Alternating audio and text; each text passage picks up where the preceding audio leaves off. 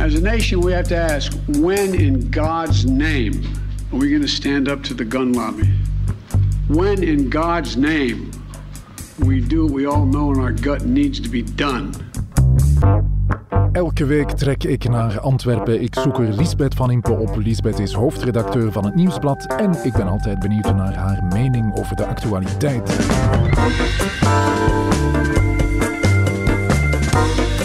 Glas lokale wijn en we zijn vertrokken voor een aflevering van de Actua-podcast van het Nieuwsblad. Dag Lisbeth.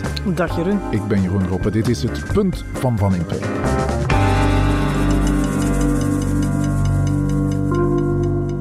Wijn Lisbeth die komt vandaag uit Tienen, dus je mag de i wat langer uitspreken. Het is een eerbetoon Het is een- aan een eh, pionier van de Belgische biowijn, Hugo Bernard. Die is eh, onlangs veel te vroeg overleden. En zijn wijn hier heet Hageling. We En drinken het is een rode wijn. Een dat rode is, eh, wijn, dat ja. zien we hier niet vaak passeren. een rode regent. Een rode regent, eh, bio-Hageling uit het Hageland dus. Op eh, de vriendschap Lisbeth. School. Quizvraag. Noem mij binnen een tijdspanne van 30 seconden, Lisbeth, de zeven werven van de federale regering. We gaan het er straks over hebben, dus ik heb een spiekbriefje mee, Jeroen. Eh, defensie, begroting, koopkracht, concurrentie, arbeidsdeal, energie, veiligheid en pensioen. Nu jij weer. Knap, we hebben het er eh, zo meteen over. Intussen wordt er ook eh, druk gewerkt in het parlement. We hebben wel wat parlementen in ons land. Hoe is het in de Senaat eigenlijk? Rustig, Jeroen. Heel rustig. Daar wordt nagedacht in stilte. En ja, blijkbaar is er te weinig volk om na te denken, dus ze komen daar zelfs niet meer aan stemmen toe. Wacht nog even met je op te jagen, Lisbeth. We hebben het er eh, straks over. We beginnen het punt van Van Impe natuurlijk met de dramatische schietpartij in de Verenigde Staten. Good evening, fellow Americans. I had hoped when I became president I would not have to do this again. Another massacre, Uvalde, Texas, an elementary school. Beautiful, innocent, second, third, fourth graders. and how many scores of little children who witness what happened see their friends die as if they're on a battlefield, for God's sake. To lose a child is like having a piece of your soul ripped away. There's a hollowness in your chest. You feel like you're being sucked into it and never going to be able to get out. Suffocating. Een emotionele president Joe Biden na de schietpartij in de Amerikaanse staat Texas. Daar opende een 18-jarige schutter het vuur op een massaal lagere schoolkinderen. Hij was, eh Lisbeth, bijzonder emotioneel. Biden. Ja, het kwam echt van heel diep. Hij heeft zelf eh, twee kinderen verloren. Hij spreekt hier ook als de vader die weet wat het is om een kind af te geven. Hij- ja, die rauwe emoties vertolkt hij perfect. En je zit daar ook met ja, een hele politieke klasse die al heel vaak dit soort dingen heeft meegemaakt en probeert op dat moment dat gevoel van een natie, die ontzetting, die emotionaliteit die nog zo rauw is, die die probeert te vatten. Dat is, ja, je probeert, dat is een van de taken die je dan als president hebt. Het gaat om negen, tien kinderen en twee volwassenen die eh, omkwamen. Het is de dodelijkste schoolshooting in tien jaar. De dader is een jongen die vroeger werd gepest op school. Lisbeth, ik krijg het eh, nog koud als ik het zo vertel. En iedereen verwijst vandaag naar Sandy Hook. Dat is eh, tien jaar geleden, 2012. Eh, heel gelijkaardig, ook een gast van een jaar of twintig die daar de school binnenstapt. Toen ging het over kinderen van zes, zeven jaar, als ik me goed herinner. Het waren er ook 20, 26 doden. Hier gaat het over kinderen van tien jaar, dus heel gelijkaardig. Na Sandy Hook hoek ik, eh, ik zie die beelden nog voor mij. Je had de, de schoolshooting was nog bezig, of ze wisten niet of dat die nog bezig was, maar je hebt dan eh, alle kinderen die weten te ontkomen, de klassen die hebben kunnen vluchten, die kwamen zo in rijtjes uit die school gemarcheerd. Die hadden elkaar vast. Dat zag er bijna gedisciplineerd uit. En dan hoorde je, ja, ze hebben daarop geoefend. Ja, alsof het om een, eh, een brandoefening gaat. Zoals wij een brandoefening doen, maar eerlijk gezegd, ik denk niet dat er bij ons brandoefeningen zijn die zo gedisciplineerd verlopen. Je voelt dat er, daar zit een soort van gelatenheid in, dat je dus in een lagere school geleerd hebt hoe je uit de school wegvlucht op een veilige ik moet nu veilige met heel veel cynisme in de stem zeggen, uh, op een veilige manier uh, buiten geraakt en elkaar vasthoudt om toch maar ja, met zoveel mogelijk buiten te geraken. De gelatenheid, de evidentie die daar uitsprak, ik, ik krijg er nog koude rillingen van. We zijn tien jaar later, er is niks veranderd. Het was onder andere ook Joe Biden die toen als vicepresident de leiding genomen heeft van de, de, de wetgevende initiatieven om er iets aan te doen. Dat is allemaal nergens naartoe gegaan. En je voelt nu bij Biden en bij zoveel anderen dat het, het is bijna cynisch through the motions gaan. De kwaadheid zit erin, maar de kwaadheid is een machteloosheid. Ja, nogthans, Lisbeth, je hoort hem uh, in de speech was hij wel heel streng. Hij, hij klonk echt wel vastberaden, hè? je hoort hem hier. As a nation we have to ask, when in God's name are we going to stand up to the gun lobby? When in God's name we do what we all know in our gut needs to be done? I am sick and tired of it. We have to act. And don't tell me we can't have an impact on this carnage. Ja, hij zegt hier, uh, Biden, Lisbeth, uh, kom mij niet af met te zeggen dat we geen impact kunnen hebben. Uh, ja, en tegelijk hoor je daar meteen al in dat dat dus... Vanavond ga je... Je kan daar nu al de klok op gelijk zetten. Hè. Alle comedians die normaal van die grappige shows moeten doen, gaan met minuten van stilte en tirades en emotionele dingen openen. Je gaat morgen in de kranten de portretten zien van, van, van de kinderen. Uh, je, je ziet nu al de hele dag een stroom aan tweets van medeleven. Maar iedereen weet ook wat het volgende bedrijf is. Degenen die zeggen van we leven mee, maar... En dan gaat het, het, dat zijn degenen die dan meteen zeggen, dit gaat niet over wapens, we moeten de, de, de videogames aan banden leggen, we moeten de gewelddadige films aan banden leggen, uh, gun control lost dit niet op, we moeten de scholen meer bewapenen en beveiligen, we moeten zorgen dat zelfs de kuisvrouw en de kok uh, een, een, een, een zwaarder wapen hebben dan gelijk wie daar binnen valt. Ook dat weten we, ook dat treintje zal op gang komen.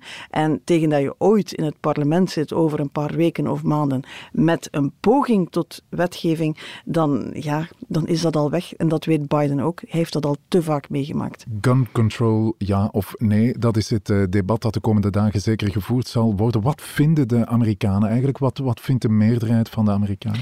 Dat is een moeilijke. Dus één, Amerikanen vinden wapens, of een groot deel van de Amerikanen vinden wapens veel normaler dan wij dat vinden. Dat heeft te maken met het ontstaan van het land. Dat was een wild land dat moest veroverd worden op eh, wie daar toevallig al woonde. Dat heeft dus een cultuur van cowboys en een soort mannelijkheid en een veroveringsdrang. Daar is het recht om wapens te dragen, is gewoon het tweede amendement van de grondwet. En wat wij moeilijk begrijpen, en ik, ik probeer dat altijd goed te begrijpen als ik met Amerikanen spreek, om daar niet te Europees te reageren.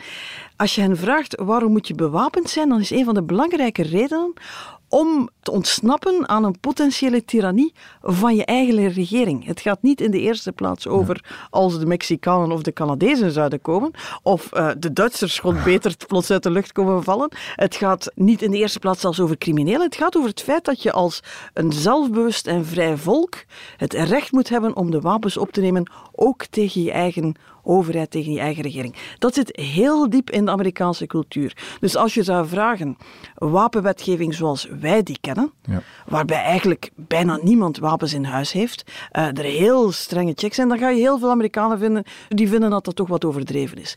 Maar als je aan Amerikanen vraagt, uh, wapenwetgeving, moet die strenger worden? 52% zegt ja. ja. Als je vraagt, zou je moeten een soort van background check doen bij iemand die wapens wil kopen? Iemand stapt binnen. Uh, we gaan even kijken. Heeft hij een, een, geschiedenis van criminele problemen, psychische problemen, noem maar op? Is er een reden waarom hij beter geen wapen zou hebben? Overweldigende meerderheid van de Amerikanen zeggen ja. Zou het goed zijn om een paar dagen te laten vallen tussen een wapen bestellen en het mee naar huis nemen? Je kan in de supermarkt een wapen kopen hè, uh, als je in de States bent. Dan zeggen heel veel Amerikanen ja. Moeten we misschien toch zo dat soort uh, semi-automatische wapens aan banden gaan leggen? Wapens die je, eerlijk gezegd, als je er een hert mee zou kapotschieten, dan schiet er van de hert niks over. Dus... Ja, want dat zei Biden ook. Hè. Wat voor zin heeft het toch om een jongen van 18 zo'n uh, semi-automatisch wapen uh, te, te, te, laten kopen? Je kan je afvragen waarvoor anders dan... dan een soort van mass-shooting heb je dan nodig. Het is trouwens de reden, natuurlijk zijn er in andere landen ook mensen met mentale problemen. Er zijn ook mensen die proberen drama's aan te richten, die doorslaan. Alleen combineer dat met een semi-automatisch wapen en dan kom je aan die hoge dodentallen, dan kom je aan die verwoestende rates van gasten die nauwelijks kunnen gestopt worden. Ja, dat is wel anders als je datzelfde met een mes of een knuppel zou moeten doen. Dan maak je gewoon niet zoveel slachtoffers. Maar die meerderheid van de Amerikanen waar jij het eh, over hebt, die meerderheid stuit wel op de wapenlobby, de machtige wapenlobby. Ja, en dat, is, uh, dat heeft een gezicht. Dat is de NRA, die trouwens dit weekend in Houston, dus vlak bij, um, in dezelfde staat Texas, uh, haar jaarlijkse conventie heeft. Dat is een, een feest. Je moet maar eens op de website gaan kijken. Ze hebben daar de Wall of Guns, een soort van loterij waar je ook uh, wapens kan winnen. Ze hebben allerlei seminaries, vrouwen en guns en, en jagers en guns en noem maar op. Natuurlijk komt Donald Trump daar spreken. Dat is daar een hele grote held. Ook heel veel van degenen die nu aan het tweeten zijn hoe erg ze het allemaal vinden, zullen dit weekend op het podium staan bij de NRA en ze zullen één boodschap hebben. De enige oplossing voor dit wapenprobleem is nog meer wapens. Zij zeggen, het enige wat uh, je tegenover een bad guy with a gun kan zetten, dat is a good, good guy, guy, with, a, good guy with a gun. Dus daar zit je in, dat, dat, is ook een heel discours dat al klaar ligt. Hè. Dat zal komen. Wat doet die NRA? Die verzamelt heel veel geld.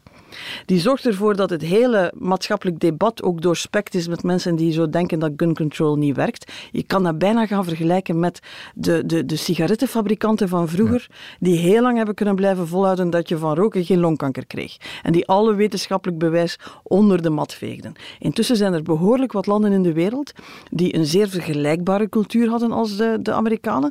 Neem de Australiërs, die zitten daar ook op een hele grote lap grond waar gevaarlijke beesten rondlopen en waar dat je wat cowboys zo de wildernis instuurt. Dus ook daar had je een wapencultuur. Maar daar hebben ze het in de jaren 90, na een masshooting, heel zware wapenwetgeving geïntroduceerd. Dat heeft een aantal politici de kop gekost. Maar de massashootings zijn daar zo goed als weggegaan. Dus eh, zeg dat tegen een Amerikaan die voor wapens is en die zal zeggen van ja, maar ja, Australië toch iets helemaal anders dan wij hoor. Dat kan je niet vergelijken. Dus de NRA die zorgt ervoor dat die argumentatie klaar ligt, maar nog veel belangrijker, zij zorgen ervoor dat uh, zeker republikeinse politici heel moeilijk verkozen raken als ze zouden durven morrelen aan wapenwetgeving.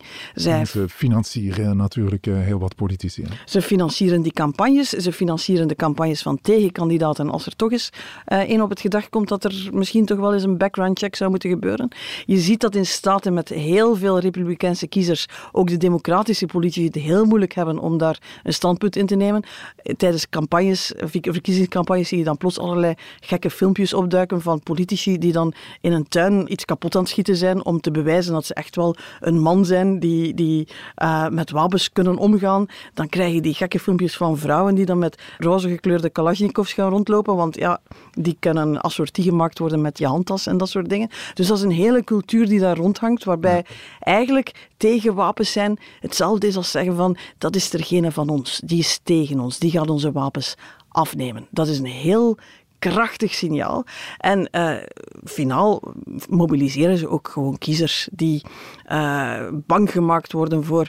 Herinner je de tijd toen Obama verkozen werd? Toen gingen plots de wapenverkoop schoot door het dak.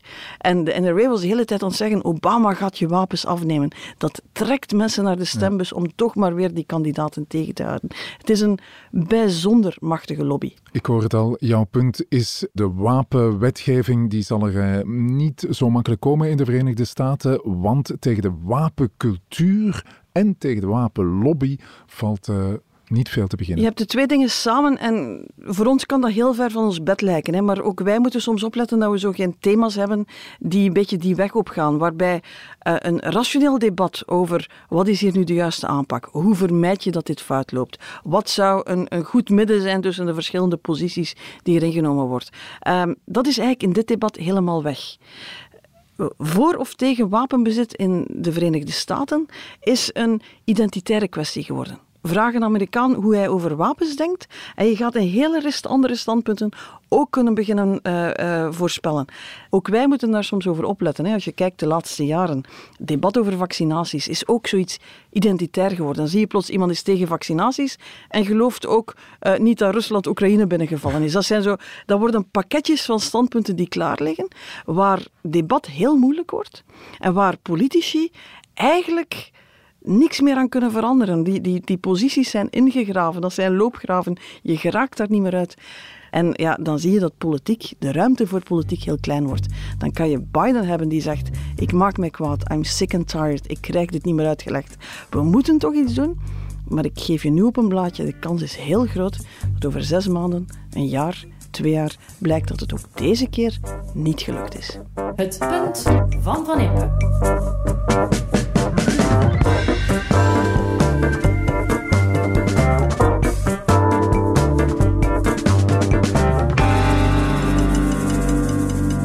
we hebben wel nood aan een aantal nieuwe grote akkoorden, denk ik. Hè. Als je Vivaldi zou vergelijken met een fiets, dan denk ik dat je de banden dringend moet oppompen. Hè, omdat je moeilijk vooruit raakt sinds een aantal maanden op een aantal, op een aantal dossiers. Wouter de Vriend, de fractieleider van Groen in de Kamer, wil dat Vivaldi nog een aantal grote akkoorden sluit en dus best even op conclaaf gaat. Dat is een eh, term uit de katholieke kerk, het uh, conclaaf. De kardinalen die zich opsluiten in de Sixtijnse kapel in Vaticaanstad. Tot er witte rook komt. Voilà, pas naar buiten gaan als ze een akkoord hebben over de nieuwe paus. De federale regering zoekt geen nieuwe paus, maar wel een aantal akkoorden.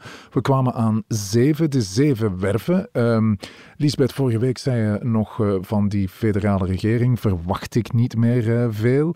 Uh, dit klinkt toch ambitieus? Het klinkt ambitieus. Dat is ook heel en al de bedoeling, want iedereen voelt dat dat daar stil aan het vallen is. En dus zo'n zomerakkoord met een aantal werven, dat is dan de manier om iedereen terug bij de les te krijgen.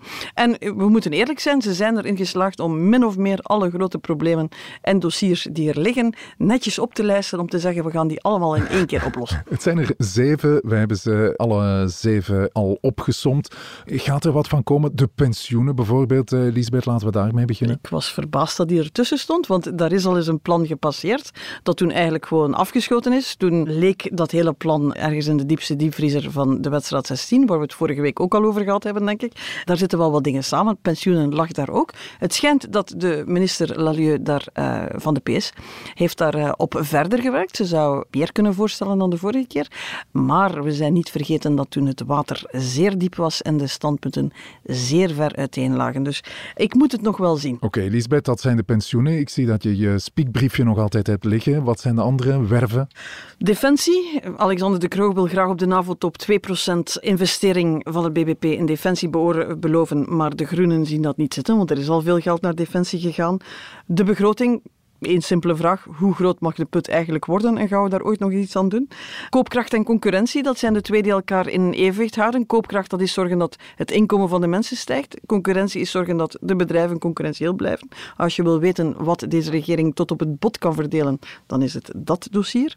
De arbeidsdeal, die hadden ze eigenlijk. Maar ja, de sociale partners zijn daar niet uitgeraakt. Ze gaan er nog eens moeten naar kijken. Dat ging over een stukje flexibilisering van de arbeidsmarkt. Ja. Zien of dat ze daaruit geraken. Energie, dat weten we, dat is het grote, de grote werf om Engie te overtuigen om ons niet te blijven uh, leegmelken. Niet simpel. En dan die kerncentrales echt gesloten te krijgen met... Uh, nee, open te houden. Ik was niet meer mee. Uh, en ervoor te zorgen dat Boucher er niet nog vier op in de duik ook open houdt. Uh, veiligheid, dat is iets een beetje, ja, dat begint zo op de radar te komen. Hè. De politie, justitie, die zeggen van wij krijgen het niet meer vervolgd, we krijgen de criminelen niet meer opgepakt, wij, wij, wij snakken naar adem. Dat is dus ook al op de agenda gesukkeld. De pensioenen hebben we al gehad. Dat zijn de zeven officiële. En dan probeert CD&V nog fiscaliteit er toch ook op te krijgen. We weten dat ze daar ja, op geen enkele manier over... Afwezig, hè? Ja, ze weten weten, we weten dat ze daar op geen enkele manier over overeenkomen. Maar goed, eh, er zijn nog pogingen. Mobiliteit, Gilles zou dan in een bezer willen bijkrijgen. Iedereen heeft intussen zijn mandje wel meegebracht, het op de tafel van de regering uh, omgekeerd en dus gezegd van hier zouden we toch nog iets moeten meedoen. Ja, het zijn er dus zeven. Hoeveel van die uh, werven gaan echt iets opleveren, denk je, Lisbeth? Wel, dat is moeilijk te voorspellen. Al zie je, het is heel makkelijk om bij elk onderdeel te voorspellen waarop het zou kunnen blokkeren. En in de helft van die dossiers is dat de PS en de MR als antwoord. Het werken naar zo'n groot zomerakkoord, het werken met werven, heeft één groot voordeel. Wat ik daarnet zei, er ligt heel veel op die tafel. Daar zitten dingen bij. Die, de ene minister heeft een plan gemaakt dat hij er wil uitkrijgen. Uh, er zit voor iedereen wel wat eten en drinken in. Je zou dus in theorie het materiaal moeten hebben om een soort van groot akkoord te gaan maken. Iedereen heeft een aantal dingen waarmee hij naar zijn eigen achterban kan uitpakken. Iedereen heeft een aantal dingen moeten slikken die wat moeilijker liggen. Maar goed, de boel gaat vooruit. Je kan allemaal samen op de foto en allemaal samen op zomervakantie vertrekken. En in het najaar terugkomen met de goede wil om er nog iets van te maken. Dus veel dingen op tafel leggen in de hoop dat je zoiets in elkaar kan puzzelen, dat zou in theorie kunnen werken. Zomerakkoord, die uh, term dropte je daar. Dat is ook een, een term uit de recente Belgische politiek eigenlijk. Superministerraad is er ook zo één. Dit ligt daar echt uh, in het verlengde van. Hè? Het is een oude truc. Ik ben in de politieke journalistiek toegekomen ten tijde van Verhofstadt, Paars 2. Dat verzoop in dat soort projecten. ik ben begonnen met de superministerraden. Ja. Dat was buitenshuis, twee dagen. En dan alles wat ze ooit al eens verkocht hadden aan de pers, verkochten ze dan nog eens, maar dan netjes gebundeld. Dat zag er altijd zeer indrukwekkend uit, totdat je ging kijken van, ah ja, maar ja, dat was eigenlijk al beslist, dat was al gecommuniceerd, noem maar op. Dat was een manier om het uh, te bundelen. Daarachter zijn de werven gekomen. Ik denk dat er tien waren en ik denk dat hij dan vanaf werf zes, de enige die er echt toe deed, zijn tanden op stuk gebeten heeft. Uh, maar als we zeggen zomerakkoord, dan kan de aandachtige burger alleen maar denken aan Tomorrowland. Ik weet niet of jij je de foto nog herinnert. Die valt in de zomer, hè? ja natuurlijk, waar uh, de hele regering op de, de hele regering. Michel, um, even goed op haar plaats als een, uh, een kalkoen op kerstdag. Um, sommigen in, in een casual outfit waarin we ze nog nooit gezien hadden. Zaten ze allemaal op Tomorrowland, want ze hadden een zomerakkoord gesloten. Ze hadden eindelijk weer wat dash in die regering gekregen. Ik denk dat de laatste mensen op Tomorrowland nog niet waren gaan slapen toen duidelijk werd dat dat akkoord eigenlijk met en twee plaktuitjes aan elkaar hing. ze hebben vervolgens nog, denk ik, een herfstakkoord en een winterakkoord nodig gehad om de puntjes op de i te zetten van het zomerakkoord. Als het niet goed gedaan is, dan is zo'n zomerakkoord een, een, een, tijdelijke luchtverplaatsing van heel veel gebakken lucht, waarmee je op de foto kan, waarmee je kan de indruk wekken dat er iets van vooruitgang geboekt is, maar waar, als we dan eens wat dieper gaan kijken en zien wat er effectief in het parlement terechtkomt, gestemd wordt, beslist wordt en welke objectieven echt gehaald worden, maar je dan ziet van ja, dat het toch eerder marketing dan... Uh, beslissing was. Blijf je bij je standpunt van vorige week? Uh, zeg je nu, ja, het zal Vivaldi toch niet lukken om dat uh, nieuwe elan of die uh, tweede adem te vinden? Je kent mij, ik geloof in tweede, derde, vierde en vijfde kansen. Dus het is wat ze moeten doen. Terug wat focus daarin krijgen, iedereen rond een tafel krijgen en een soort van urgentie dat er nog wel iets moet gebeuren, nog wel iets moet beslist worden, dat je niet kan uitbollen naar de verkiezingen. Uh, het zorgt ervoor dat Alexander de Croo toch eens een, een, weekend in het binnenland zal moeten zijn om zijn zomerconclaaf uh, te organiseren. Iedereen rond een tafel. Het is de enige manier om vooruit te gaan, maar ik ga iedere aandachtige burger zijn gezonde sepsis vergeven als de vraag is, gaat er ook echt iets uitkomen? Het tweede punt van Van Impe, er zit eigenlijk niks anders op dan op conclaaf te gaan, maar of het ook iets wordt, dat is een andere zaak. Ja, het is, het is wat ze moeten doen, maar succes is niet gegarandeerd en ik kan je een kleine tip geven op het moment dat ze zeggen dat er een groot akkoord is met indrukwekkende beslissingen, hou dan even de Twitterfeed van onze goede vriend Georges-Louis Boucher in de gaten. We zullen rap weten of er iets van overeind blijft 24 uur later. Het punt van Van Impe.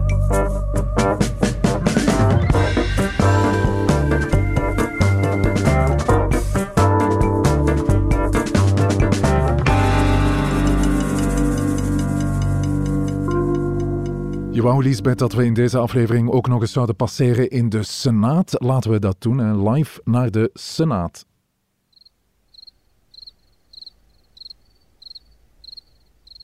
Daar, eh, dan gebeurt er helemaal niks. Grapje natuurlijk, we vonden geen quote van de Senaat en dat zegt eigenlijk al een beetje alles. Ja, de Senaat, het is een van de democratische instellingen van het land. Hè. We hebben een tweekamerstelsel, maar in de Senaat gebeurt alsmaar minder. Is het dat wat je wou zeggen, Lisbeth? Wel, er kwam het nieuws deze week dat er normaal gezien een sessie van de Senaat moest doorgaan. Uh, zij vergaderen, dacht ik, een tiental keer per jaar plenair. Maar de vergadering wordt geschrapt omdat er geen agendapunten zijn.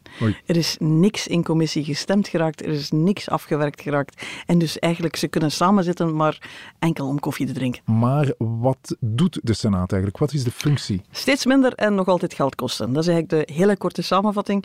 De Senaat kost 40 miljoen euro per jaar, is een overblijfsel van ons tweekamersysteem. Toen de gloriedagen moest alles zowel door de Kamer als door de Senaat goedgekeurd worden, of Ja. zo goed als alles.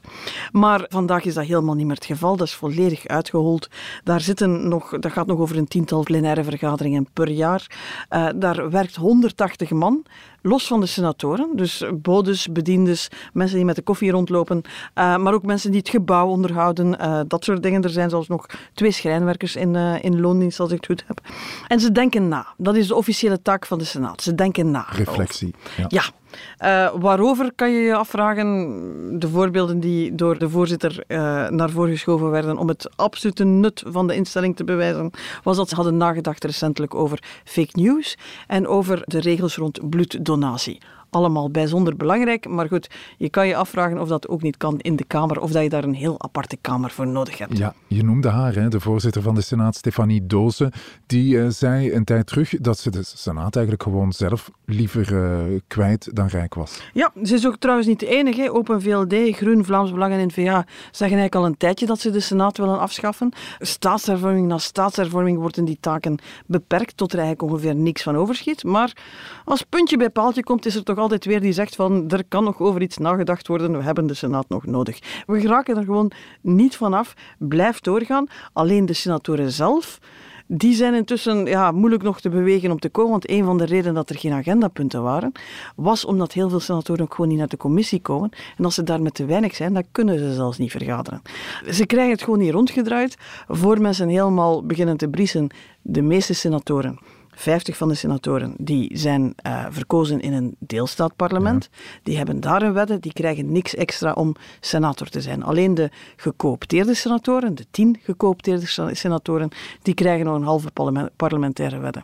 De kost zit dus niet zozeer bij die verkozenen, bij die, bij die senatoren zelf, maar in heel de omkadering die al die senatoren samen nodig hebben. Ja, eh Lisbeth, ik hoor het al. Jij bent ehm, voor de afschaffing eh, van de Senaat. Maar wat moeten we dan eh, met het gebouw doen? Er zijn mooie schilderijen, wandtapijten en zo. Het zou een museum kunnen worden. Dat is een van de voorstellen die wel eens circuleert. Het is trouwens een mooi gebouw. Hè? Ik bedoel, als je er de eerste keer komt, dan de eerbiedwaardige Senaat. In de Kamer is alles groen, in de Senaat is alles rood. Dus het rode ploegje dat we metaforisch wel eens gebruiken voor de comfortabele zitplaats van het parlementslid, dat vind je in de Senaat. Dat, heeft, dat is een heel mooie zaal, een beetje stoffig, maar mooi om te komen. Dus sommigen zeggen maak er een museum van, anderen zeggen maak er een soort van burgerparlement in, waar je Ja. burgers betrekt bij... Dat is het idee van eh, de bekende schrijver David eh, van Rijbroek. Eh, ben je daarvoor te vinden?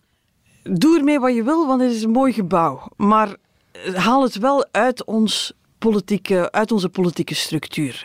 Eh, we hebben al zeven regeringen. We hebben meer dan genoeg parlementen in dit land. We hebben meer dan genoeg mensen die kunnen opgevist worden als ze per ongeluk toch eens niet verkozen geraken. Haal het uit de politieke structuren. Op federaal niveau heb je die Kamer. Je hebt een alle gemeenschappen en gewesten en met een eigen regeringen en parlementen. We zullen toch ooit eens in dit land ook eens iets moeten afschaffen. Ook als het een, ja, nog een laatste werkgever voor een aantal gebuizen politici is. Laat het je laatste punt van de dag zijn. Laten we de Senaat afschaffen en het gebouw een andere functie geven. Ja, doe er iets moois mee. Het is een mooi gebouw. Maar ehm, stop met te doen of je daar heel belangrijke politieke beslissingen aan het nemen bent. Het punt van Van Impe.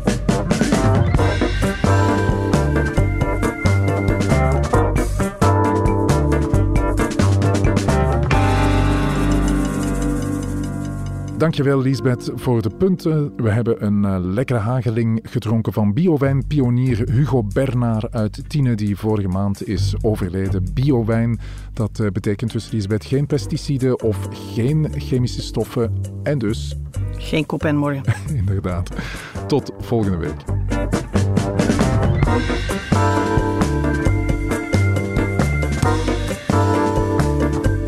Dit was het punt van Van Impe, een podcast van het Nieuwsblad. Je hoorde de stemmen van hoofdredacteur Liesbeth Van Impe en van mezelf Jeroen Roppe. Dank aan de VRT voor de audioquotes, aan Pieter Schrevers voor de muziek en aan Pieter Santens van House of Media voor de montage. De productie was in handen van Joni Keimolen en van Bert Heijvaart. Tot het volgende punt van Van Impe.